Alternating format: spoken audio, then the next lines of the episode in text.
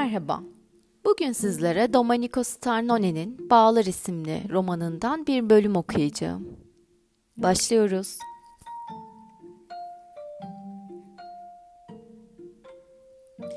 Yerle bir olmuş çalışma odamda, yerde oturmuş vaziyette o belgeyi uzun uzun inceledim. Orada Vanda'nın mektupları ile birlikte sarı zarftaydı.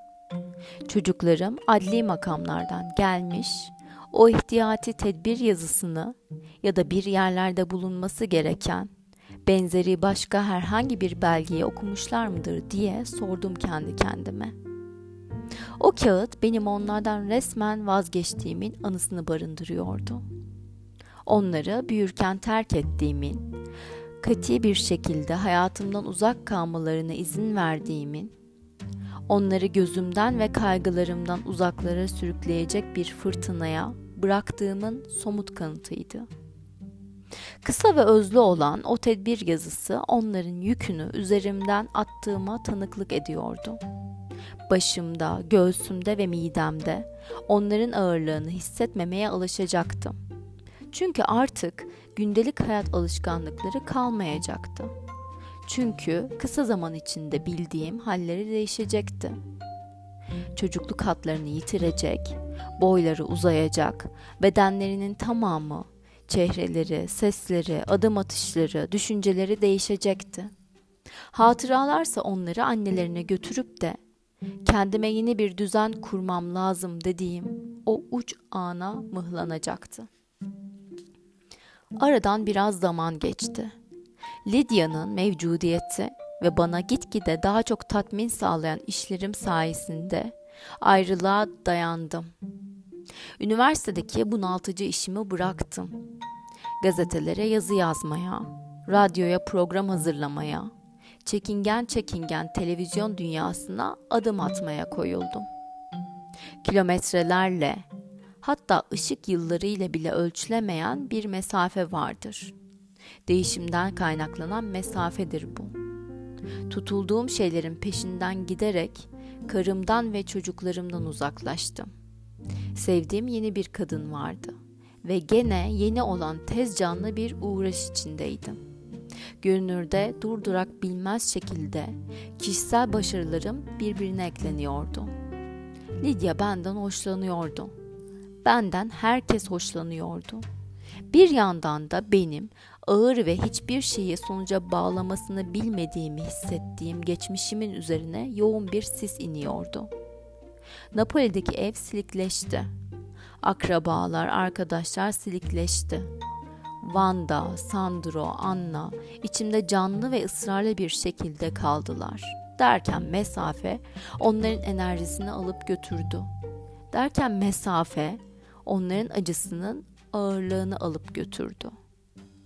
Daha çocukluktan beri babam anneme eziyet ettiğinde annemin acısını görmemeye alıştırmıştım kendimi. Bu konuda o kadar başarılı olmuştum ki haykırışları, hakaretleri, tokat seslerini, ağlayışları bir tekerleme gibi lehçeyle söylenen intihar edeceğim, kendimi pencereden atacağım sözlerini duymazdan gelebiliyordum. Anne ve babamı duymamayı öğrendim. Onları görmemek içinse gözlerimi kapamam yeterliydi. Bu çocukluk sanatını bütün hayatım boyunca binbir durumda uyguladım. O zamanlar işime çok yaramıştı. Ona çok başvurmuştum. Ardımda bir boşluk bırakmıştım. Boşluk yaratıyordum. Karım, çocuklarım en olmayacak zamanlarda gözümün önüne geliyordu. Bununla birlikte ben onları görmüyor ve duymuyordum. Ama bunlarla her zaman çok iyi başa çıkamadım. Karımın kendini öldürmeye kalktığı haberini aldığımda yurt dışındaydım. Bu derece mi diye haykırdım üzgün üzgün. Ama bunun tam olarak ne anlama geldiğini hala bilmiyorum. Belki bu derece mi demem, Vanda'ya yönelik sessiz bir haykırıştı. Ölümle burun buruna gelmenin ne anlamı olduğunu soruyordum kendi kendime.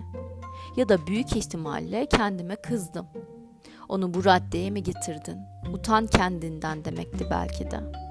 Ya da daha genel anlamda başkaları için ne gibi bir tehlikeye yol açacağına, onlara yapacağımız kötülüğe bakmaksızın istediğimiz her şeyi almaya yönelik yaygın ihtirasa isyan ettim.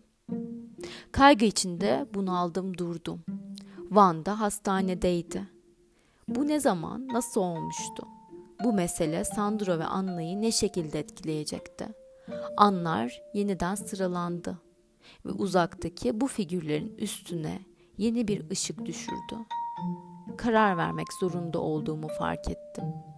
Ya her şeyi, işimi, hayatımı Lydia ile kendim için yaratmakta olduğum hayat biçimini bırakacak, koşup bu vakumu yok edecek ve her şeyi tekrar bir düzene koyacaktım ya da kendimi Vanda'yı arayıp nasıl olduğunu sormakla sınırlandıracak ve onu ne yalnızken ne de çocuklarla birlikteyken görecektim. Kendimi bu gelgitli duygu seline açmayacak, bu riske girmeyecektim. Bu iki seçenek arasında uzun süre gidip geldim. Kimseden tavsiye isteyemezmişim gibi hissediyordum. Karar verme sorumluluğu sadece bana aitti. Ya karım hayatta kalmamış olsaydı? Onu öldürenin ben olduğumu kabul etmek zorunda mı kalırdım? Ne şekilde öldürmüş olurdum? Kendi hayatına, çocuklara tutunmak yerine yaşamdan kurtulmanın daha iyi olduğuna karar vermesinin neden olup hayatını yıkarak mı? Sandro ve Anna büyüyünce bunu bana bu cinayetimi yükleyeceklerdi.'' Öte yandan benim aylarca yıllarca sürmüş uzun mu uzun bir suç işlediğimin bilincine varmam için ölmesine gerek var mıydı? Suç, suç, suç. Bir yaşımı mahvetmiştim. Benim gibi kendini dolu dolu gerçekleştirmek isteyen genç yaştaki bir kişiyi artık nasıl yaşayacağını bilmediğini kabul etmeye zorlamıştım. Ah hayır. Neler geliyordu aklıma? İnsanın kendi kaderini izlemesi suç muydu? Kendini hafife almaması suç muydu? Bunaltıcı kurum ve adetlere karşı savaşmak suç muydu? Ne saçma. Ben Vanda'yı seviyordum. Duyarsızca ona zarar vermeyi istediğim tek bir an bile olmamıştı. Temkinli davranmış, ona yalan söylemiştim ve bunu tam da daha az acı çekmesi için yapmıştım. Ama Tanrı affetsin bu tedbirliliği kendim acı çekecek dereceye ve onun boğulmaması için kendimi boğacak dereceye kadar getirmemiştim. O dereceye kadar değil. Onu görmeye gitmedim. Nasıl olduğunu bilmek istemedim. Ona yazmadım. Çocukların durumu nasıl karşıladıklarıyla ilgilenmedim. Vaziyetin ne olduğunu kötü bir şekilde anlamasını sağlayacak bir şekilde davranmaya karar verdim. Hiçbir şey, onun ölümü bile Lidya'yı sevmemi engelleyemezdi. Sevmek, bu fiili tam da o dönemde kullanmaya başlamış, öncesinde pembe romanlardan çıkmış bir söz gibi gelirdi bana. Sevmeye daha önce hiç var olmamış bir anlam vermeye katkıda bulunduğuma ikna olmuştum.